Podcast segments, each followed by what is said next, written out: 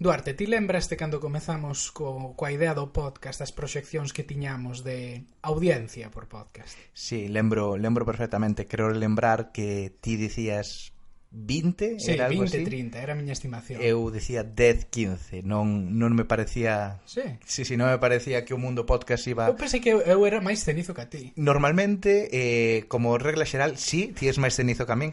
Neste caso en concreto, eu tiño unha visión moi pesimista do da posibilidade de un podcast en galego falando sobre o Reino Unido, que, bueno, así se o paramos a pensar, menuda fricada, o que me sorprende que haxa aínda xente que nos escoite. Exacto, o nicho é máis grande do que pensábamos. Bueno, pois agora que levamos 11 episodios, sin contar este que estamos grabando agora, levamos xa 5.000 visitas. Case, case 5.000. Case 5.000 es, Esperamos chegar nos próximos días e poñerémonos no Facebook. O mellor esta noite algún entrou, escoitou un par de episodios e sí. xa estamos nas 5.000 pois estamos moi cerca. E agora, cando estamos iso a piques de acariciar as 5000 as 5000 escoitas, tamén damos un salto cualitativo importante. Este vai a ser ou é o primeiro episodio que vai estar aloxado, que vai contar cun espazo propio no digital eh, Praza Pública. E inicias así unha colaboración eh, con este con este medio digital en galego que cada dúas semanas vai a ter un espazo dedicado ao té con gotas, cun pequeno artigo explicando do, do que falamos e con iso esperamos chegar eh, levar o té con gotas a a, a máis xente, intentar ampliar o nicho, así que para nós é un momento así moi moi especial, non? Pasamos esas 20 desas 20 visitas cos que cos que contábamos. Sí, e para inaugurar esta colaboración eh, imos comezar pois cun episodio centrado nos medios públicos do Reino Unido no que tamén eh, falaremos da situación que se vive na CRTVG, nos medios públicos de Galicia que como sabedes desde hai un ano manteñen os seus traballadores protestas en denuncia do control informativo por parte da Xunta de Galicia. Dentro intro. think about Brexit. What, what's that? Like, Order! The nose to the left, 432. with the light, with the music. Very welcome everybody here. A Brexit question in English, if you don't mind. Bueno, no, hombre, no vamos a hacer. Venga, adelante. ¿Quiere usted hacer el puñetero favor de largarse de aquí y de... No va usted a hacer nada ya. Would you like a cup of tea? Yeah, sure. Keep going. Have a cup of tea. Thank you, thank you.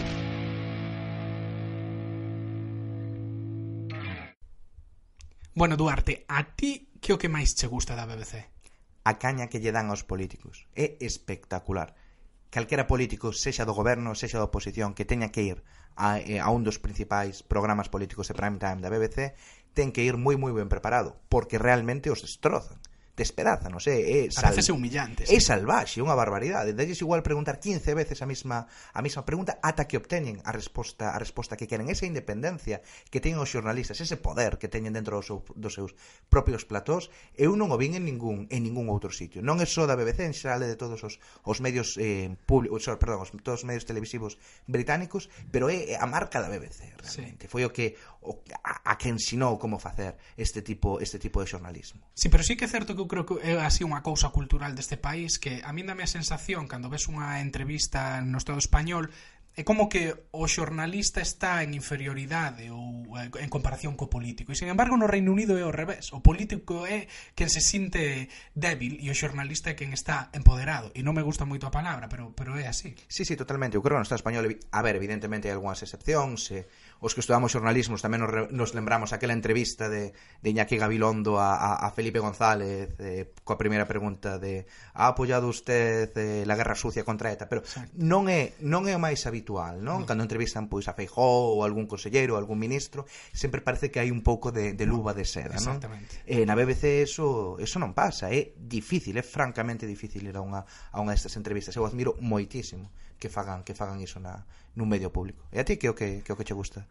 A min, bueno, ademais diso, eh encántame a cantidade de de contido político que hai eh, na BBC. Xa non só a calidade dos informativos, que é envexable, sino pois os programas especializados que hai de facer reportaxes de investigación ou facer casi que documentais eh, sobre sobre o que está a acontecer no Reino Unido e sobre o que está a acontecer no país e a cantidade de, de debates semanais que hai que, que marcan que marcan a xenda da, da política do país e nos que se ve como os políticos se enfrentan pois a, a cidadáns eh, da pé de rúa sin ningún tipo de, de problema. Iso é algo que cando comparas con, por exemplo, a CRTVG, onde botas moito en falta eh, programas de debate político en horario de prime time. Claro. Eh, a, eh, estamos máis habituados a ver repasos polas múltiples festas eh, do verán galego ou a repasos de que tal eh, o pasan os turistas nas praias de Galiza. Bueno, pois eh, sí que a verdad que é algo claro. empexable. E non é só o contido político, tamén a cantidade de documentais sobre as cousas, a natureza ou sobre o medio ambiente que hai na BBC son, son envexables, ten este presentador super coñecido David Attenborough que cando fixo hai pouco un documental sobre a contaminación do plástico realmente iso afectou moito o debate político que se deu no Parlamento e o debate social. E, e cambiou a, a, a opinión que moitas moitos cidadanos británicos tiñan sobre o consumo de plástico no Reino Unido. Iso foi a raíz dun dun debate da ou dun programa da BBC, máis alá das tertulias das tertulias políticas. Son todas estas un montón de cousas que se fan tamén de historia. Agora mesmo estou vendo unha serie documental sobre sobre Margaret Thatcher que é absolutamente espectacular, con entrevistas a todos a todas as persoas que quedan vivas, digamos, o seu gabinete, o seu equipo, Moi ben, está moi ben, unha serie de cinco, cinco episodios sobre sobre eh, Thatcher. É unha calidade de, de programación eh, acojonante, e non sono non só na información, tamén no entretemento. Cantas grandes series, series non sí. hai, non? Ahora tamén estou flipando con Killing con Killing Eve ou Collateral. Ah, eh, hai, o... sí. Ou, ou, ou para quen lle guste, que eu non son fan Top Gear, non? Como un programa de coches eh, dos máis, bueno, dos máis punteiros a nivel a nivel mundial. Pois todo isto pasa pasa na BBC. E ti por que crees que é posible algo así? A ver, eu por parte, o entretemento sí que creo que é posible en calquera televisión, en calquera televisión, pero a, por que a BBC, por que é posible que na BBC se faga contido político de tanta calidade, por que é posible que na BBC se dé tanta cera aos políticos? Eu creo que hai moitos, hai moitos factores. Unha parte é cultural, creo que a BBC ten unha cultura dun tipo de xornalismo e dunha independencia que leva moito tempo moi arraigada no que é a corporación, pero tamén hai eh, unha parte de independencia económica. E unha desas é como se financia a BBC. A BBC non recibe ningún tipo de...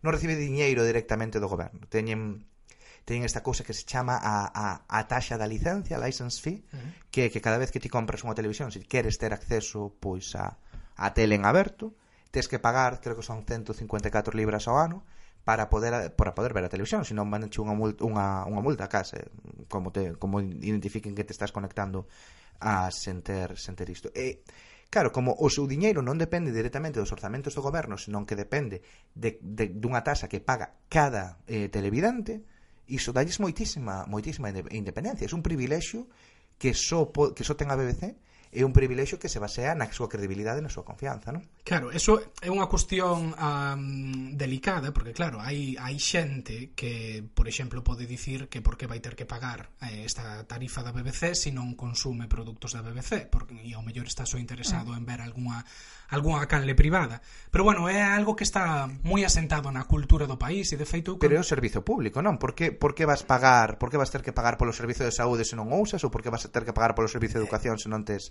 se non tes fillos. É tamén esta idea do público e do valor do, da importancia que ten os medios. Claro, efectivamente, eu cando comentaba isto, de feito, hai pouco, porque, bueno, o tema da tarifa está agora un pouco nos medios, porque ata agora era gratuito para todas as familias nas que houbera xe, bueno, para todos os fogares con xente de máis de 75 anos, agora o goberno quere eliminar esa exención, e, bueno, volveu un pouco os medios ese asunto, E eu falando cos meus compañeros de traballo, eu dicía, eu creo que isto se se intentase aplicar este modelo de financiamento en España, a xente diría diría que non, porque non está disposta a pagar obligatoriamente semellante cantidade de diñeiro, senón o mellor consume a televisión pública. E todos saltaban, claro, pero que así temos o mellor servizo de radio e televisión pública. E teñen razón. Claro, e teñen razón. Eh, e despois, bueno, tamén hai outra cuestión eh, sobre como están cambiando as formas de consumir televisión, pois todo o tema das novas plataformas en streaming como Netflix, aquí en no Reino Unido na UTV, que sí que poden supoñer un problema no futuro para a BBC a hora de financiarse, porque o mellor hai xente que eh, pois no futuro non está interesada en pagar esta licenza, aínda que non teña acceso a moitas canles da televisión en aberto, porque eh, a cambio pois pode ver contidos audiovisuais en Netflix ou en, ou en outras cadeas. Entón, bueno, iso vai ser un reto interesante no futuro eh, para este este modelo de financiamento. Pero tamén eu creo que o feito de ter que pagar esta, esta licencia que todos os meses tamén dá unha sensación de de vínculo ou de propiedade de cara a BBC moito maior que se simplemente saíse dos impostos, porque eu que pago a, a licenza vexo todos os meses como sae da miña conta bancaria e sei que ese diñeiro que está indo para a BBC paguei eu por el. Entón, e tamén é unha sensación de, de propiedade, de, propiedade, de que é, é noso, non, non só dos británicos, senón de, de todas as persoas que, que vivimos e que traballamos e pagamos a, a licencia todos todos os meses. Claro, eso, eso de feito fai que na BBC eh, teñan unha cultura de implicar moito máis a, a cidadanía no, nos contidos e na información que o ano pasado existía unha conferencia na que un traballador da, da BBC, que fora exdirectivo aí anos, explicaba que non se podía entender un formato de programa como o BBC Question Time, que é un programa de debate político que se emite todos os xoves aquí no Reino Unido e no que basicamente consiste nunha mesa de políticos do goberno e da oposición, na que tamén hai xornalistas, empresarios, artistas, que cada semana van a unha vila, a unha cidade do, do Reino Unido e se enfrentan as preguntas dunha, dunha audiencia de, bueno, 100 espectadores, se seleccionan simplemente algúns e aí a xente dilles absolutamente de todo sí, Se, sempre hai algún ministro sí. algúns con máis razón, outros con menos razón eh, algúns soltan a típica cuñadada que diríamos nós, pero bueno Que dicir, pero bueno, é a opinión pública, que hai, hai de todo e é variada, é importante que os políticos se enfrenten a se a, ela. a esa. Sí. Entonces é como que non viven tanto nesa burbulla na que o mellor sí que viven no no panorama de medios do, do Estado español eh, e hai unha implicación moito maior da, da xente. Lóxicamente hai un moderador nese debate que modera, que introduce temas, pero a xente ten un papel protagonista e eu creo que, bueno, pues eso forma parte tamén da, da marca BBC e que é consecuencia deste modelo de financiamento tamén. Uh -huh. Absolutamente. E, e realmente é algo que non se pode, é un modelo que non se pode soster se non tes a confianza total e absoluta da maior parte dos televidentes e, e da cidadanía británica. De feito, agora, hai un conflito e eh, eu creo que, que a BBC sí que está perdendo algo de credibilidade ou está recibindo máis acusacións de ser tendencioso, pero iso penso que ten que ver con como está o debate político que xa, do que xa falamos claro. con moita frecuencia en Con Gotas o polarizado que está a cuestión de Brexit, etc.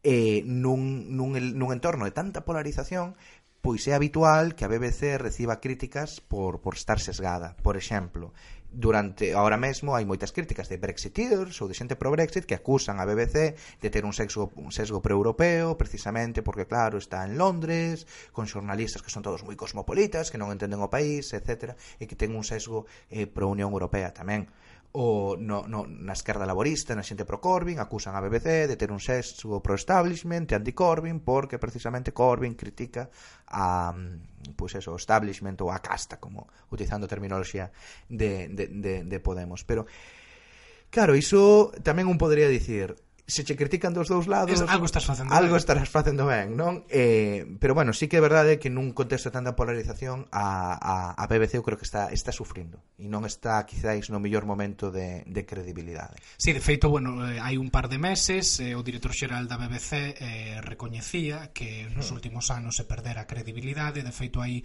unha enquisa que fixera a Office of Communications que dicía que por primeira vez a BBC eh, estaba por detrás das canles privadas ITV e Sky News en canto a eh, credibilidade e que tiñan que, que poñerse as pilas para intentar para intentar revertir iso. Pero co que dicías do Brexit aí houve un debate moi interesante sobre mm. sobre a cuestión da imparcialidade na BBC e que imparcialidade no xornalismo porque bueno, lóxicamente había críticas dun lado e do outro, pero tamén había xornalistas que reprochaban que a BBC estaba se limitando a facer eh, o que aquí lle chaman tit, tit for tat, que é un pouco eh, dar ao mesmo espazo ás dúas partes do conflito independentemente de que a, unha delas non teña razón. Eh, e lembrome que fora, fora moi polémica unha noticia eh, que se fixera eh, durante a campaña do Brexit porque mil e pico grandes empresarios do Reino Unido asinaron un manifesto a favor de, de permanecer na Unión Europea e nesa noticia da BBC derse aproximadamente o mesmo espazo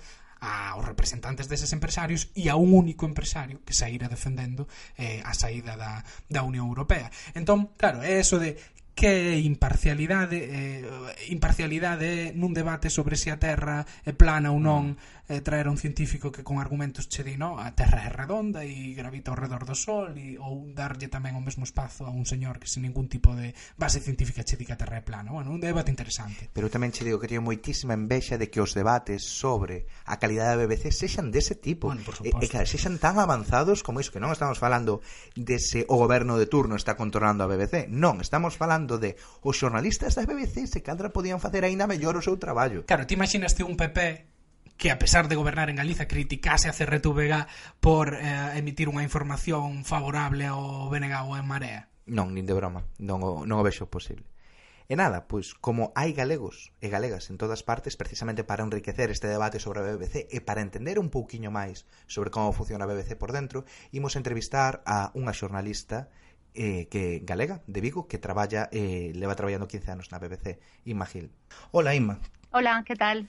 Eh, hola, moitas grazas por participar nesta entrevista. Antes de nada, eh, unha pregunta. A BBC vendese moito ou a percepción que temos a BBC é que é un medio coñecido pola súa imparcialidade, pola súa calidade xornalística. Ti que traballas ese dentro, isto é un mito ou é realidade? Eh, vale, vou aproveitar primeiro para dicir moitas grazas por convidarme e tamén parabéns por isto que estades facendo que me parece eh, genial eh, que lle adiquedes ademais tanto eh, tempo, e esforzo, algo moi necesario eh, en galego e eh, informando do que está pasando aquí no Reino Unido. Eh, dende dentro eu digo, na miña experiencia, que é verdade.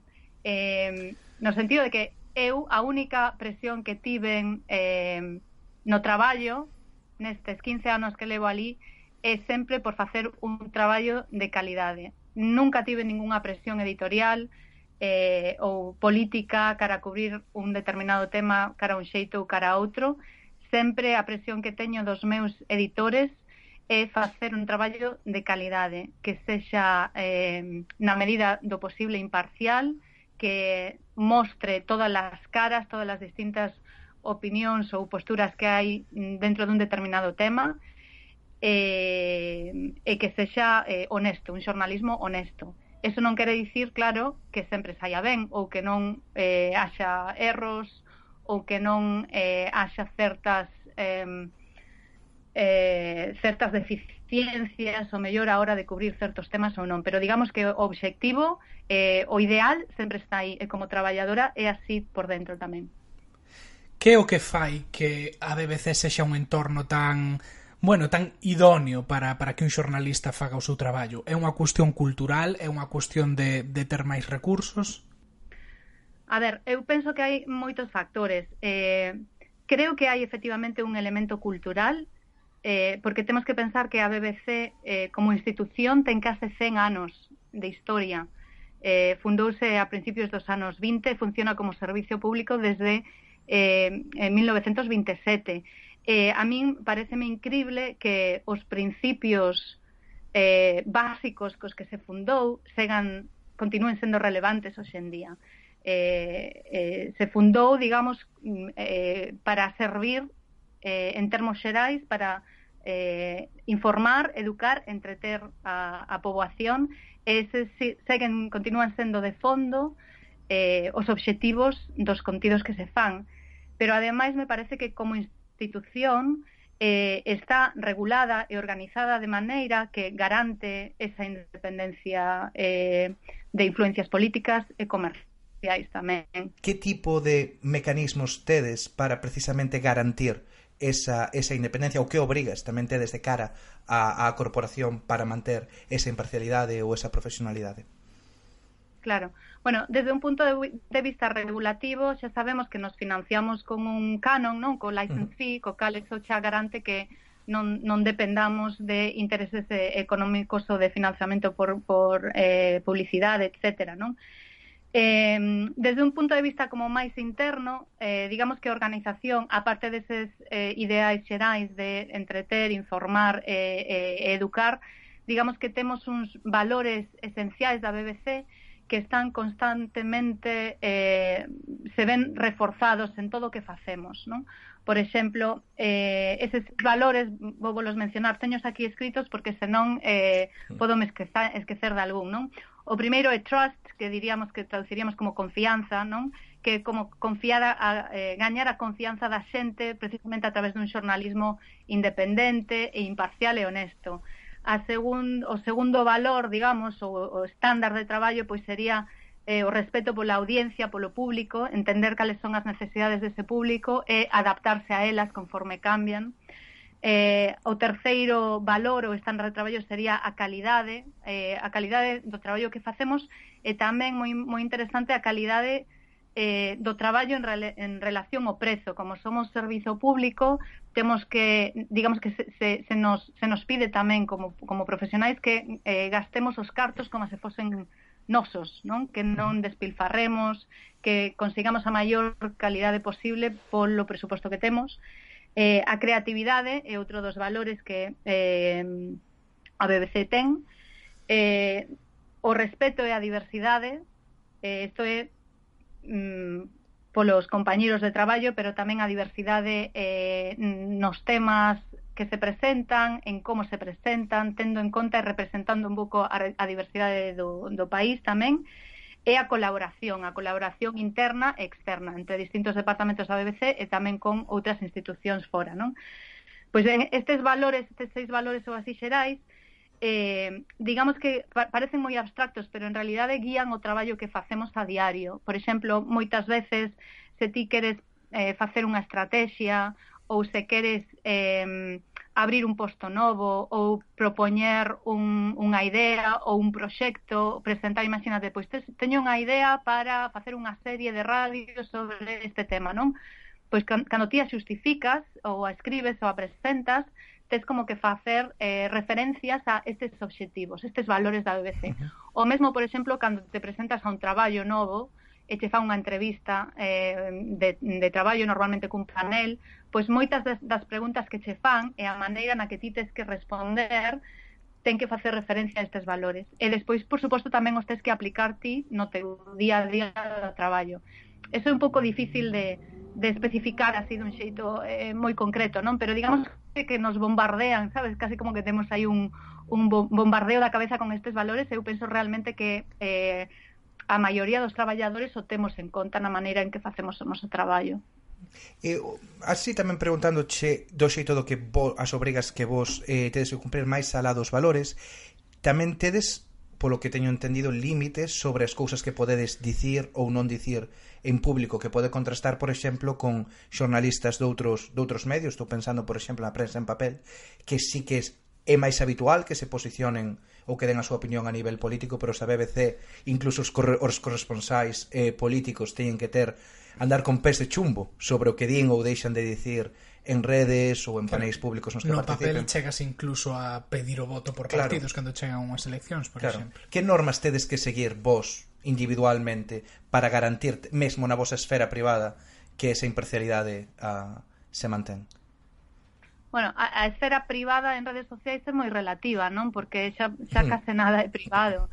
Eh, eh, pero sí, por exemplo, nos nos nosos perfis en redes sociais eh, temos, non, non podemos expresar eh, así gratuitamente opinións ou temos que declarar eh, conflictos de interese para a empresa tamén. Eh, en realidade hoxe en día ti enseguida sabes para que entraba, para que medio traballa alguén ou onde traballa, o sea, é, é moi difícil separar eh, eh, a, a túa persoa da, da, do teu perfil laboral e a, e a empresa para que traballas. Entón pois na esfera social, nas redes sociais, sociais tamén está representando indirectamente a, a BBC, así que sí, temos bastantes restriccións tamén a hora de pronunciarnos abertamente a favor dunha cousa ou outra, eh, ou de, sí, ideolóxicamente apoiar unha cousa ou outra. Uh -huh. Uh -huh. Falabas antes de que a imparcialidade pois era un valor eh, que viña da BBC desde, desde o seu nacemento, pero Duarte máis eu temos comentado que a nós como teles, telespectadores danos a sensación de que no Reino Unido eh, as canles privadas pois cortanse moito a hora de eh, mostrar cal é o seu posicionamento, polo menos no que a esfera política británica. Tes esa mesma sensación? E se é así, a que crees que se debe ese consenso? Pensas que tamén unha cousa cultural? Eh, perdón, non sei se entendo moi ben a pregunta. Podes, sí, podes má repetir sí, o reformulo. Que, que, por exemplo, a, a nos danos a sensación de que no Reino Unido eh, canles desde a BBC, pero tamén ata outras canles privadas, eh, cando se trata de abordar pues, cuestións da política nacional ou de posicionarse máis ou menos cun partido ou outro, que adoptan sempre unha postura moito máis comedida e imparcial, eh, que non se podería ver no Reino Unido casos como os de la Sexta, onde medianamente todo o mundo ten claro que se atopan a medio camiño entre o que podería ser PSOE e Podemos, a forma de, bueno, pues entender a sociedade, ou outros casos máis extremos como, bueno, 13TV ou no seu día eu penso en Iñaki Gabilondo comezando informativo cun monólogo posicionándose sobre un tema. Eso é algo que polo menos eu aquí no Reino Unido que non ves en ITV, nin Exacto. Sky News nin el Channel 4 que todos siguen un pouquiño o que parece o liderazgo da, da BBC ou o estilo original da BBC como, como organización pues, centenaria Claro, non sei se ti, se ti tes esa sensación tamén A, a ver, quizáis, eh, quizáis o compararlo con España non é tan extremo. Eh, claramente, eh, eh, en os medios escritos está moi claro, digamos, a posición un pouco ideolóxica, non de eh, das publicacións. Quizáis non se reflexa tanto na, no apoio a un partido específico ou a un candidato específico. Eu diría eh, eu diría que quizáis a sociedade como tal e o sistema é mm, democráticamente moi moi maduro. Eu penso que eh, a xente o público en xeral exíxelle moito os medios. Unha calidade que quizáis noutros países ou quizáis en España eh, pois non se lles exixe eh, moito. Quer dicir, eh, o, o público mesmo actúa case como a un factor de control ante a calidade dos medios tamén. Entón, eh, por exemplo, no caso da BBC como servizo público, pois eh, ten unha serie de exigencias eh, case eh, Eh, eh, propias de ser un servicio público, pero realmente hai outra, outros medios, como por exemplo Channel 4, que está facendo un traballo eh, maravilloso e tamén está cumplindo esa, esas, eh, esas funcións de servicio público aínda tendo financiamento eh, eh, non comercial. Pero eu penso que a, o público como tal exixe esa calidade, non? Por exemplo, eh, na BBC, en canto eh, hai algo que é un pouco controvertido ou en canto hai eh, algunha cobertura que sexa que se poida percibir como eh, parcial, etcétera, pois hai unha chea de chamadas, quer dizer, a xente ten a, a, a, a cultura e ten a, a o hábito de chamar e queixarse, non? Case de exixir como taxpayer, non? Como uh -huh. un contribuinte que paga para ter un servizo de calidade, pois tamén exixe ese servizo de calidade, se lle rinden contas. Uh -huh se lle rinden, o sea, se lle piden contas a BBC como, como servizo público e tamén hai ese accountability, quer dicir, os, os xestores, os editores da BBC tamén teñen que rendir esas contas, non? Entón, eh, hai programas, por exemplo, que precisamente se dedican a eso, a recoller as chamadas das persoas, eh, eh, a analizar a queixa pola que están pola que se están queixando e a dar unha resposta, darlle unha resposta desde eh, desde o management, ¿no? desde, desde as posicións editoriais das que se toman unhas decisións ou outras. Entón, quizáis por eso, me parece que a xente quizáis teña un, uns estándares do que é o, o bo xornalismo, uh -huh eh, o mellor máis altos que noutros países, que o mellor non teñen unha tradición xornalística eh, e de imparcialidade tan antigua. Repito, a BBC ten 100 anos, onde estábamos en España eh, hai 100 anos, por exemplo, non? eh, ten, ten 100 anos de historia de, de ter este referente de, de imparcialidade. Entón, quizáis por eso eh, lle estexa máis difícil os medios eh, ofrecer un xornalismo que non está a altura, non? Porque non, non o tolera a sociedade tanto como noutros, noutros países. Non sei se eso responde un pouco a, a pregunta que me plantexabades.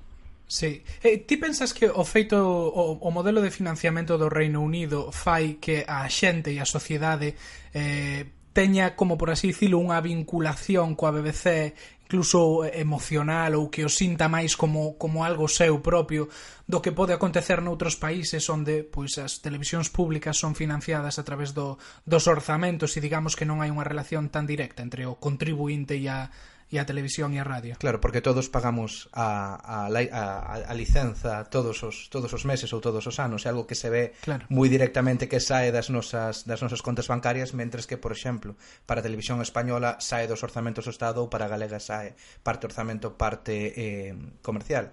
Iso unha, parece unha diferenza Eu penso que sí, non sei como vos se, se sentides vos. Eu, a ver, eu levo aquí, eh, vou cumplir 20 anos, e sinto que, agora porque traballo para a BBC, pero eu sinto tamén que a BBC é miña, pero do mesmo xeito tamén que o, eh, que o NHS, o Servizo de, de Saúde Pública, é meu tamén.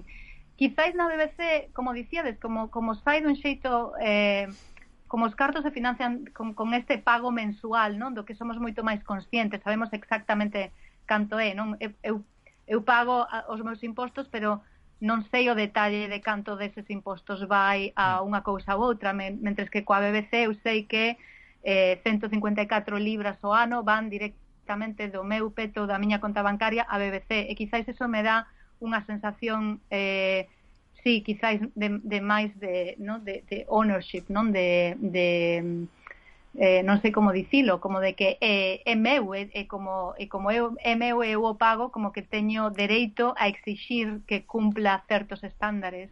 Mm. Eh, penso que sí, que, que esa maneira de financiamento case como que crea un vínculo máis directo non entre, entre o público e o que lle dá o servizo público. Imagil, moitas gracias. A vos.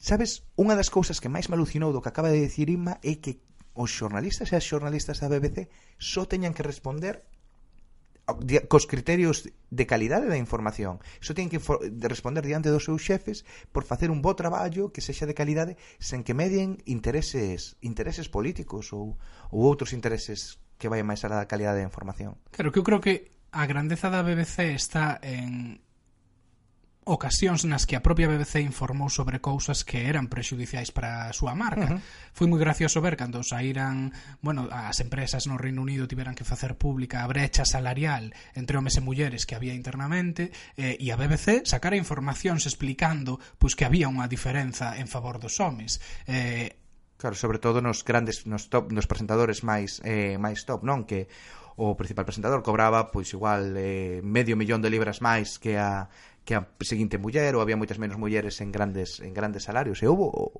cubriron eso. Claro, e houbo casos nos que non cubrir, non desvelar, non sacar afora os trapos sucios da propia cadea trae consecuencias negativas. Precisamente a maior crise dos últimos 50 anos que viviu a BBC foi por non ter non ter cuberto os seus propios as súas propias miserias. Este, a ver, o así de xeito moi resumido, foi un caso moi moi grave dun presentador moi moi moi famoso da BBC, eh, Jimmy, Jimmy Savile, que morreu hai, hai uns anos, que durante décadas estivo abusando sexualmente de, de nenos e nenas, aproveitando pois a súa posición de persoa famosa, aproveitando eh, aos recursos que daba que daba a BBC. E claro, durante todos estes anos todo o mundo escoitara rumores, ninguén ninguén dicía nada, porque máis ele era sempre moi agresivo se, se algunha vez alguén parecía que quería que quería denunciar era moi agresivo con dicindo que iba a haber unha demanda contra esa persoa entón como as súas vítimas sempre estaban en situacións moi vulnerables eran cousas que non, que non saían ao público. Eh, Newsnight, este programa que xa falamos antes da, da BBC, quixera eh, unha vez que o, o home este morrera quixera publicar eh, unha reportaxe con víctimas de, eh, da, dos seus abusos e o, o, os editores do programa en, pois, máis ou menos unha vez que xa estaba casi listo para sair pois acabaron por, por matar a historia. E ao pouco sacou una, un ano despois máis ou menos sacou una, a competencia sacou unha ITV e iso abriu un conflito na BBC enorme. E máis Panorama, que outro dos grandes programas da BBC, ás poucas semanas de, de que sacase a ITV, sa, eh, publicaron unha reportaxe moi boa na que decían eh, Jimmy Savile, canto sabía a BBC? Estamos falando dun programa da BBC que publica un programa que di canto sabía a BBC no principal caso de acoso de, de abuso eh, de menores do, do Reino Unido. E é un programa moi duro e moi crítico coa coa propia BBC. Claro, e a BBC é unha canle na que podes ver ao seu propio director xeral sendo entrevistado por un presentador da BBC pedíndolle prácticamente a súa dimisión. Isto é aconteceu eh, despois de que se publicara un, o Newsnight unha reportaxe sobre o, un caso, un suposto caso de abusos sexuais por parte dun exministro Tory, que finalmente pues, demostrouse que as fontes que usaran eh, non foran adecuadamente contrastadas, isto xerou moitísima controversia, e nun programa en directo o director xeral someteuse a unha entrevista eh, case que humillante. Podemos escoitar partes do extracto da entrevista para que vexades o ton e entendades ao que nos referimos con iso da, da cultura de entrevistas inquisitivas no Reino Unido. Uh, We now know that Newsnight has failed massively on one programme and it has failed massively on another programme. And it's caused the BBC enormous damage. You, as you say, as editor in chief, are ultimately responsible. Therefore, it leads to the obvious question you should go, shouldn't you?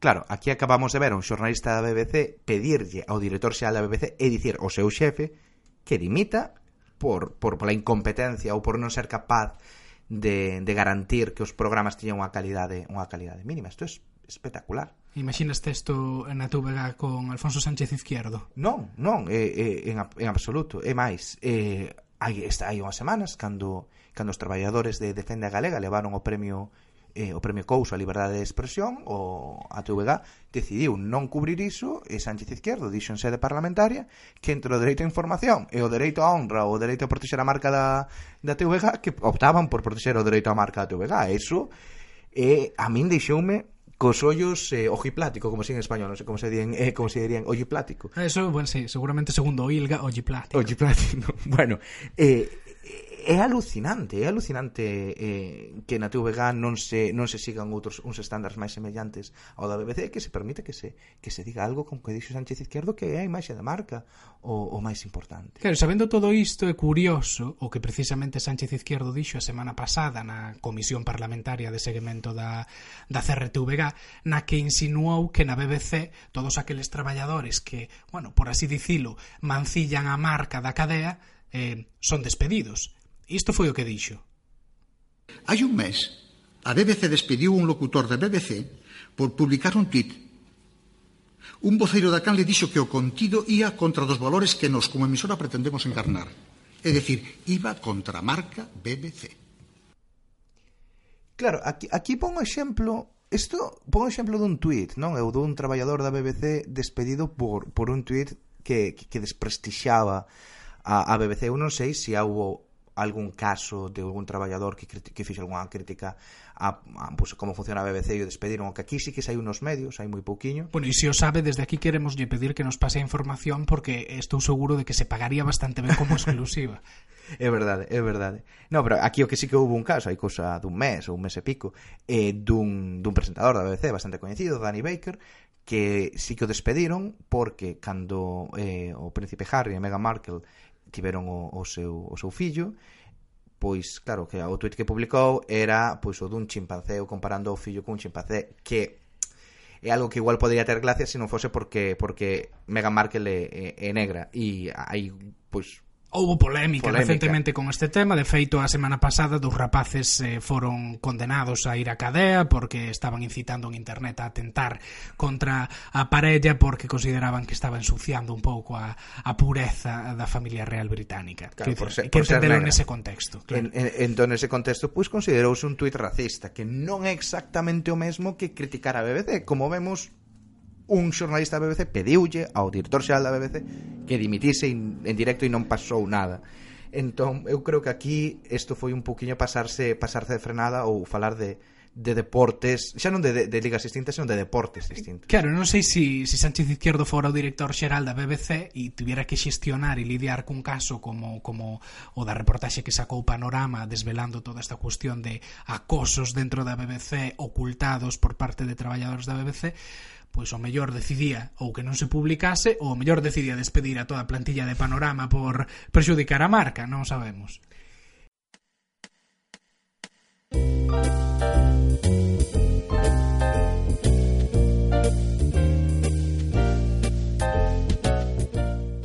Ben, e para falar da situación da CRTVG non podemos deixar de falar de Defende a Galega, que é unha plataforma de traballadores da canle pública que desde hai máis dun ano ven protestando todos os venres pola, polo control informativo por parte da, da Xunta de Galicia. Para iso, temos con nos a Raquel Lema, que é unha membro do Comité de Empresa da CRTVG, e é traballadora da televisión desde hai 23 anos. Ola Raquel, que tal? Que tal? Boa tarde. Imos comezar cunha pregunta moi directa. Hai manipulación informativa na CRTVG por parte do goberno? Eh, sí, hai, eh, evidentemente hai, hai manipulación informativa.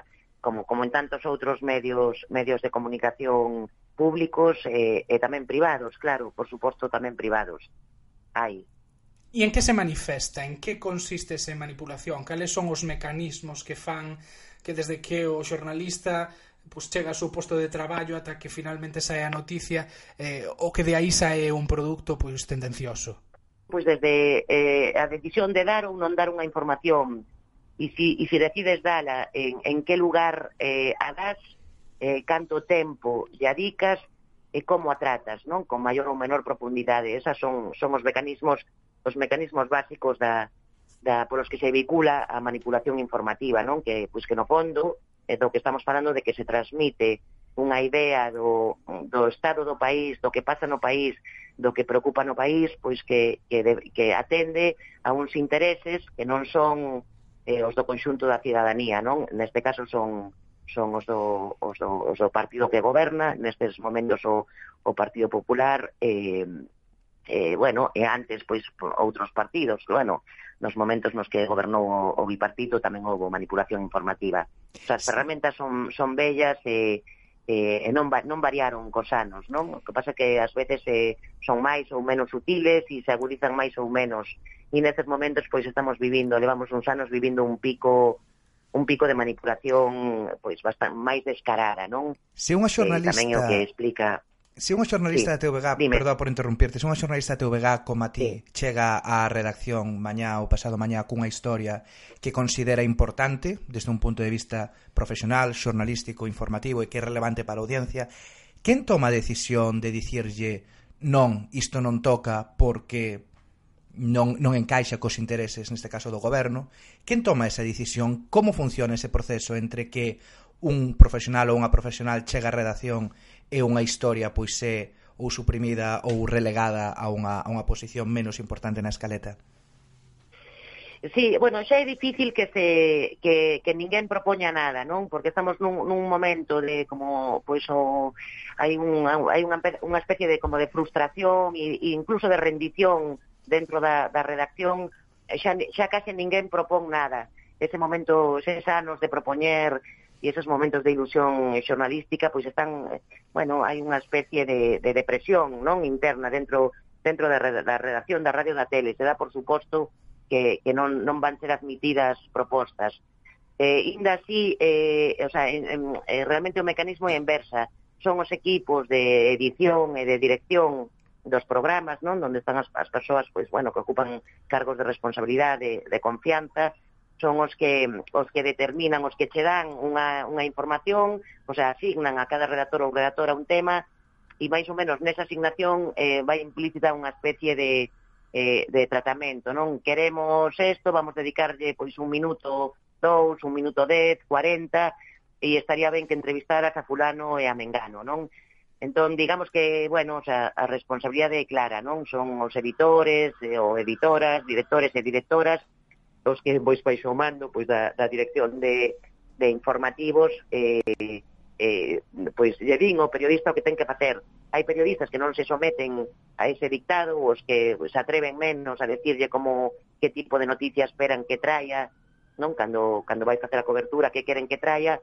E, e bueno, a eses periodistas os que non, non se atreven tanto a decirlles o que están esperando deles eh, xa lles dan temas pois menos interesantes, menos profundos, digamos que non que non lle interesan tanto o goberno, non? Temas, digamos, pois máis máis lixeiros e menos problemáticos. E se alguén en algún momento, un xornalista ou un xornalista cuestiona ou di non estou de acordo con isto ou compañeiro, penso que isto hai que dedicarlle máis espazo, que respostas dan? Teño curiosidade por saber cales son, cal é o argumento que pode levar a outro profesional, un editor, unha directora a dicir non imos cubrir isto, imos dedicar menos. Que tipo de argumentacións dan dentro da, da redacción, desde un punto de vista profesional tamén? Eh, sí, bueno, eh, hai xente que se enfronta, que hai mesmo que se enfronta abertamente, pois nunha especie de mesa central, non, onde onde están as persoas que ocupan a responsabilidade e ás veces pois hai, digamos, unha un debate que é, é o sano, non? Eso sería o saudable en todas as redaccións, que houvese un debate sobre sí, non, porque porque estamos ou non de acordo sobre o tratamento que me estás encargando ou a visión que eu lle quero dar porque son eh, o profesional ou a profesional encargada de facer unha determinada cobertura. Eh, as persoas que, que dan ese debate ás veces gañan a, a pois esa partida, non? Esa, esa pequena batalla concreta. O que pasa é que a, a consecuencia que non volves eh, vol, facer unha cobertura eh, pois na que, na que pretendan, digamos, pois pois ter un resultado de antemán, non? Eh, bueno, depende de quen, de quen se enfronte, as poucas persoas que, que se enfrontan en xeral pois perden a confianza e acaban pois eso, pois, pois no ostracismo, non? Ou, ou, ou relegadas a un segundo plano na, na redacción, que son pois profesionais con case sempre con moitos anos de, de experiencia eh, bueno, o sea, o resto tamén hai unha especie de autocensura, eh, xa se sabe, non, esto xa sabes onde estamos, xa sabes o que esperamos de ti, eh, bueno, eh, eh, se, non, se non atendes a tal, ou hai, hai dúas vías de resposta por parte pois da dirección ou da xente que ten mando, non? que son o ostracismo ou ás veces pois a represalia, non? Eso que o ostracismo tamén é unha represalia. Condenar a un, a un profesional do, da información a, a, a case non facer información, pois é pois probablemente a, a represalia maior que se lle pode facer a, a, un, a un profesional, lamentablemente. E iso está, eh, está ao orde día, digamos. Eh, que criterios se usan agora mesmo na CRTVG para elixir eh, postos de editores? Porque, bueno, recentemente, hai un, hai un ano, dos anos creo, cando se fixera a renovación de algúns cargos eh, na Radio Galega, por exemplo, o xefe de informativos, bueno, chamáranos a atención sí. que a persoa que asumir ese cargo non tiña demasiada experiencia. Nos que sabemos un pouco como funciona o sistema de medios aquí no Reino Unido para acceder a un posto de semellante responsabilidade, sí. xa non só precisas moitos anos de experiencia, sino que precisas ter demostrada pois unha solvencia profesional eh, moi grande. Non coñezo particularmente a esa persoa, pero sí que é certo que fora público nos medios que era, unha, era un traballador con pouca experiencia. Cales son os criterios sí. que se usan agora mesmo para elixir a esos cargos de responsabilidade? Eh, eh, a ver, o sea, todo hubo pois o último cambio que hubo en, en alta dirección hai, hai un ano e pico, eh, bueno, houve un desembarco, eh, xa non digo noutras áreas, non como pode ser máis a xestión, a xestión dos recursos humanos, a administración, marketing, o sea, no, no, no que atinxe exclusivamente os profesionais de, da información, houve un, un, un desembarco de, de persoal alleo a, a CRTVG de externos, non? Que con fichaxes de, de alta dirección na que pois houve dúas, digamos, dous perfis, un perfil de profesionais que desembarcaron directamente do, do ABC, isto é así de, de claro, non? Eh, eh, hai o perfil de, de, de xente con experiencia no ABC en prensa escrita que nunca traballara na, Eh, en televisión e na radio pois houve pois unha fichaxe de, de xente nova con moi pouca experiencia e bueno, pois eh, con xente con menos de 30 anos eh, sen, sen bagaxe, mesmo bueno, con, con moi pouca carreira profesional eh, posta en, en posicións de moito de moito poder, non? Eso pois entendemos que son son son postos de confianza para que para que esa, esas persoas pois desenvolvan Eh, eh, o mandato que, que se lle carga sen, sen entrar, por suposto, a discutir os, os criterios informativos, non? Isto, isto é así.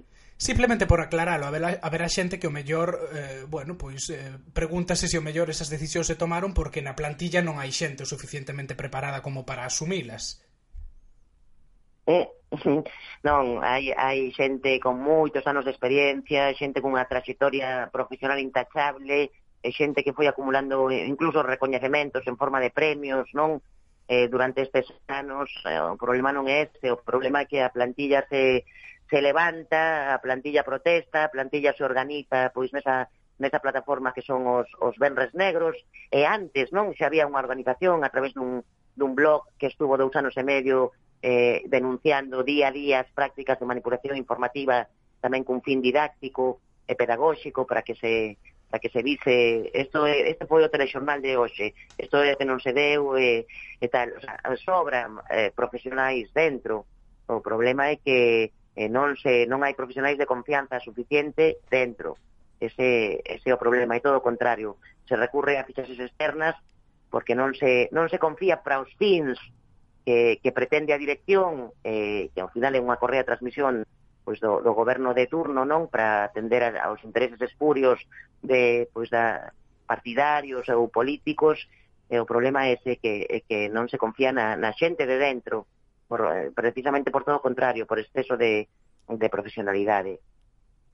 Existe medo entre os traballadores eh, da CRTVG a hora de facer determinadas propostas ou a hora de de falar en público. Digo isto porque precisamente para facer esta entrevista falamos con con outra xente que preferiu non non falar eh, grabando ou que esta, que as súas entrevistas non saísen precisamente por medo a represarias. Eh, é isto algo sí. extendido na, na certo vega?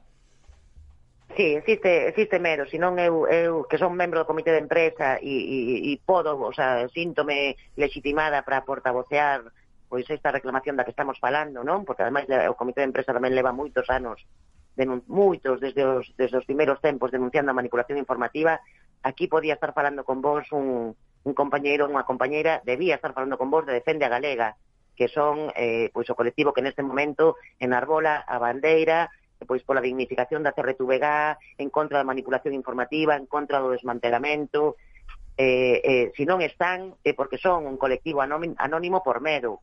Eh, eh, hai algunhas persoas eh, significadas que, bueno, o sea, están sufrindo nas súas carnes a, a represalia, non? Que é o, o ostracismo, cando non a apertura de expedientes por causas peregrinas que o único que pretenden é atemorizar, non? Ademais, as intervencións do, do director xeral na Comisión de Control Parlamentaria que hai, pois, pois afortunadamente, que hai no, no Parlamento, non? Eh, eh se encarga de mandar mensaxes dicindo que non vamos tolerar comportamentos desleais, non? Que mesmo quixo eh, comparar con, con algún experimento que houve recentemente na, na BBC que non ten nada que ver porque o contexto e, e o motivo é absolutamente distinto na nosa na nosa opinión, pois sí, hai medo, hai medo, hai hai hai represalias, eh esas represalias eh, eh están ademais se arman eh pois para para armar ese discurso Gromedo, o que pasa que, bueno, eh, non sei, canto máis aprietan, máis dignidade xurde, non? E, bueno, pode chegar un día que tensen tanto a corda que, que, que, o, que o medo cambie de bando. Isto, pois, son así un pouco un pouco pueril decilo, pero é que é así cando cando se pasan moito, cando aprietan moito, cando asfixian moito a unha plantilla e cando tal, pois, pois ás veces se, se volve, non? Se volve e se dá un golpe na mesa pois aínda maior que pois é, é quizáis o que o que estamos chegando a un momento de tal pastío, de tal fartura, de tal eh, desafección tamén polo, polo traballo diario que xa estamos no momento onde que ou recuperamos a dignidade e, e, e o fin polo, polo, polo que existen os medios públicos de comunicación deste país ou, ou bueno, a situación é realmente complicada. Tedes constancia de chamadas por parte de Presidencia ou das consellerías para dictar escaletas ou para dictar como se ten que enfocar unha noticia no día a día da redacción, tanto na radio como na televisión? Eh, sí, o sea, claro, temos constancia. Tivemos compañeiros que, que, que dirixiron nun ou noutro momento político os, os espazos informativos e, e ese mecanismo pois, eh, a través de presidencia, da Dirección Xeral de Medios, das mesmas dos mesmos gabinetes de prensa das consellerías, hai un hai un intercambio, non, de de vamos facer isto e xa, saca, xa, xa, xa traen as notas de prensa das consellerías con eh, para pa poñer o foco sobre determinadas políticas que se queren pois ensalzar, que se queren divulgar, que se queren tal, por suposto, o sea, non non, non, non faría falta ter unha proba de o día onte chamaron ás 10 e 15 chamou fulano mengano, eso é así esa, esas presións son presións, non? Mai directas ou, ou indirectas de que suceden en todos os, en todos os medios de comunicación, non? Nos públicos e, e tamén nos privados, que tamén, pois, a raíz tamén das protestas que está que, que está vendo a través dos Benres Negros, a través de Defende a Galega, hai un silenciamento total por parte dos medios de comunicación privados de, de, de Galicia para recoller as reivindicacións que está que está vendo dentro, dentro do, do plantel da CRTVG, non? Entón hai outros que tamén teñen este, este problema, porque hasta silencian o que está pasando nos medios públicos, non? Claro, claro, claro entón, que hai chamadas, en... hai entendo que non tampouco estades satisfeitos ou satisfeitas con como os medios privados están cubrindo as mm. vosas protestas ou as protestas da de defenda galega.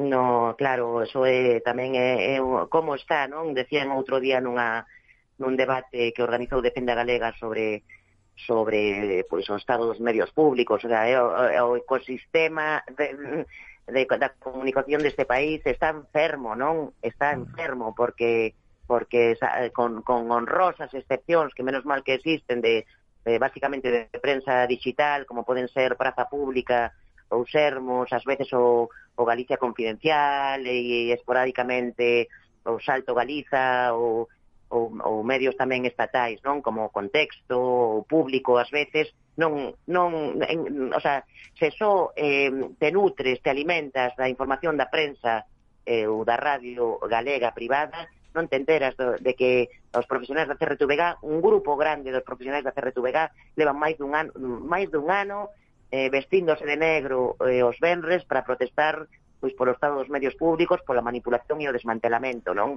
Claro. O sea, isto é, hai un problema hai un problema grande no país. Non no. só hai un problema grande na Cerretubega. Nos fixéramos a proba eh, de buscar Defenda Galega en, nos buscadores de algúns dos principais medios escritos eh, de, de Galicia e sorprendía que aparecía máis mencións a manipulación en TV3 que, que a da televisión de Galicia, non? A pesar de que había un conflito pois eso que xa leva xa leva un ano. Bueno, xa para rematar, Raquel, eh, o ano que ven haberá sí. eleccións autonómicas en Galicia, que lle pides aos partidos políticos? Eh, bueno, eh, mm, realmente que máis ten, sinceramente, que máis ten que escoitar nestes momentos é, é o Partido Popular, non?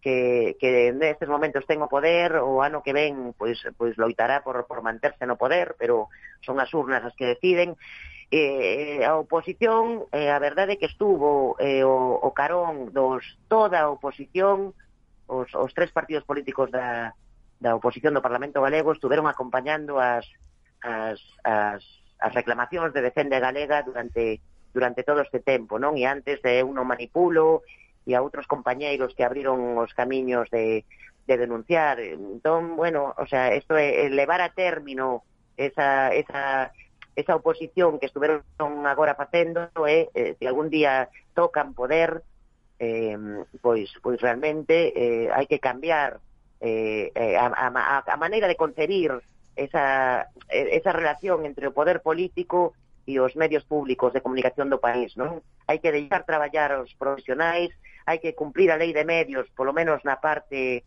na parte que, que, que parecía que quería desenvolver ou atallar estas, estas problemáticas, que son a creación do Consello de Informativos e, e o Estatuto Profesional, e, e en definitiva, eh, dunha vez, quitar eh, as, as gadoupas de, de, da tele e da radio públicas, non? Que se deixe facer os profesionais e as, e as profesionais e que, que se deixe construir a imaxe do país desde un ámbito profesional e non desde o ámbito interesado, partidista ou, o político.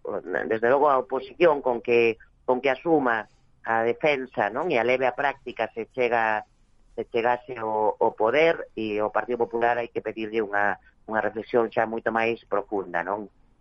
Pois con esa reflexión nos quedamos. Porque... Eh? Na, dicía que con esa reflexión nos quedamos xa xa para despedir, eh, que non temos máis tempo, así que nada, Raquel Ema, moitas grazas. Moitas gracias a vos, que vai ben. Bueno, Miguel, acabamos de entrevistar a unha xornalista da BBC, a unha xornalista da CRTVG. Que aprendimos? Pois eu creo que o que aprendimos é a diferenza entre medios públicos que están ao servizo de informar a sociedade e a cidadanía e medios públicos que están ao servizo de facer propaganda ao goberno de turno. Eh, A BBC, pois é a canle pública dun país como o Reino Unido, que, bueno, habendo grandes diferenzas, somos países relativamente similares o Reino Unido e Galiza. Por lo tanto, eu creo que sería perfectamente faltible importar un modelo similar. E eu estou convencido de que na CRTVG hai xornalistas moi capacitados para facer información e, e produtos audiovisuais da máxima calidade se se lles deixa. Claro, o importante é sacar o control político dos medios públicos. A BBC, coas súas eivas e cos seus acertos, rinde contas diante da cidadanía e diante do povo británico e a cidadanía e son os televidentes os que pagamos a, a tasa co que se financia a BBC e é diante nos, diante dos que teñen que rendir eh, contas, porén nos medios públicos pois en Galicia e tamén no, no Estado español parece que diante de quen hai que rendir contas é do goberno. E iso é un cambio cultural e filosófico fundamental que eu creo que é o que permite que a BBC funcione tamén non pode ser que, que unha xornalista teña que estar pendente do que pensará o goberno. Ten que pe, os únicos criterios, como falaba Ima antes, que teñen que primar son os informativos e os de servizo público á ciudadanía, que son que é quen manda neste neste caso. Para min sería a grande a, é a grande diferencia e o, bueno, a grande aprendizaxe desta deste programa, creo. Claro, e a mí outra cousa que me chama a atención é o papel da prensa privada de cada país como contrapoder a hora a pois de facer un escrutinio de como funcionan os medios públicos, que precisamente son iso, son públicos, son parte da administración, están financiados pola cidadanía, e no caso de Galiza directamente polo, polo propio goberno. Como comentábamos, no caso do, do escándalo dos acosos sexuais dentro da BBC, a propia ITV sacou un documental no que se abordaba... ITV é outra canle privada. É unha canle privada do Reino Unido e sacou un documental eh, desvelando todo iso, in, incluso si era algo que afectaba a BBC, sacando os trapos sucios da televisión eh, pública. Como é posible que en Galiza a prensa privada, os medios privados non se fagan eco eh, das denuncias dos traballadores da TVG, que levan máis dun ano pro, eh, e, e da radio, que levan máis dun ano protestando por iso? Como é posible que se fagan máis eco da, do, do que acontece en TV3 en Cataluña? Claro, absolutamente. A calquera medio público, calquera canle pública non deixa de ser unha institución máis dunha sociedade. E do mesmo xeito que os medios privados teñen que que, que pôr o foco ou que, ou que seguir eh, facer que rindan contas pois o servizo sanitario, eh, os parlamentos, os partidos políticos, pois tamén hai que facer seguimento e control eh, das, das canles públicas, absolutamente.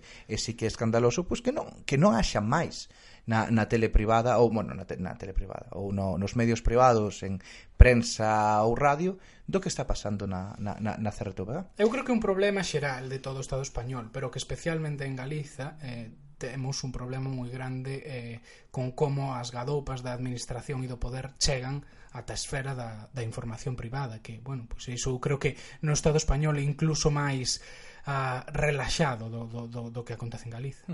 Pode ser, pero bueno, iso tamén ten que ver co, co financiamento do, dos medios e a sostibilidade dos medios e o papel que xoga tamén a administración a hora de, de financiar moitos moitos medios privados, pero iso dá para outro programa eh, completamente distinto. Ata aquí chegou o Té con Gotas eh, desta semana, eh, un pouco distinto, un formato un poquinho distinto ao que levamos facendo eh, últimamente, e ademais o primeiro eh, podcast que sae en praza público, cal para nós é un salto cualitativo bastante importante. Se vos gusta o que estamos facendo, por favor, suscribidevos eh, ao noso newsletter, seguídenos nas redes sociais e sería moi importante se nos podesedes deixar algún comentario nas en calquera plataforma na que na que veixades os escoitedes os podcasts en iTunes, en en iBox eh, ou calquera ou calquera outro eso serve para que outra xente eh, descubra o te con gotas.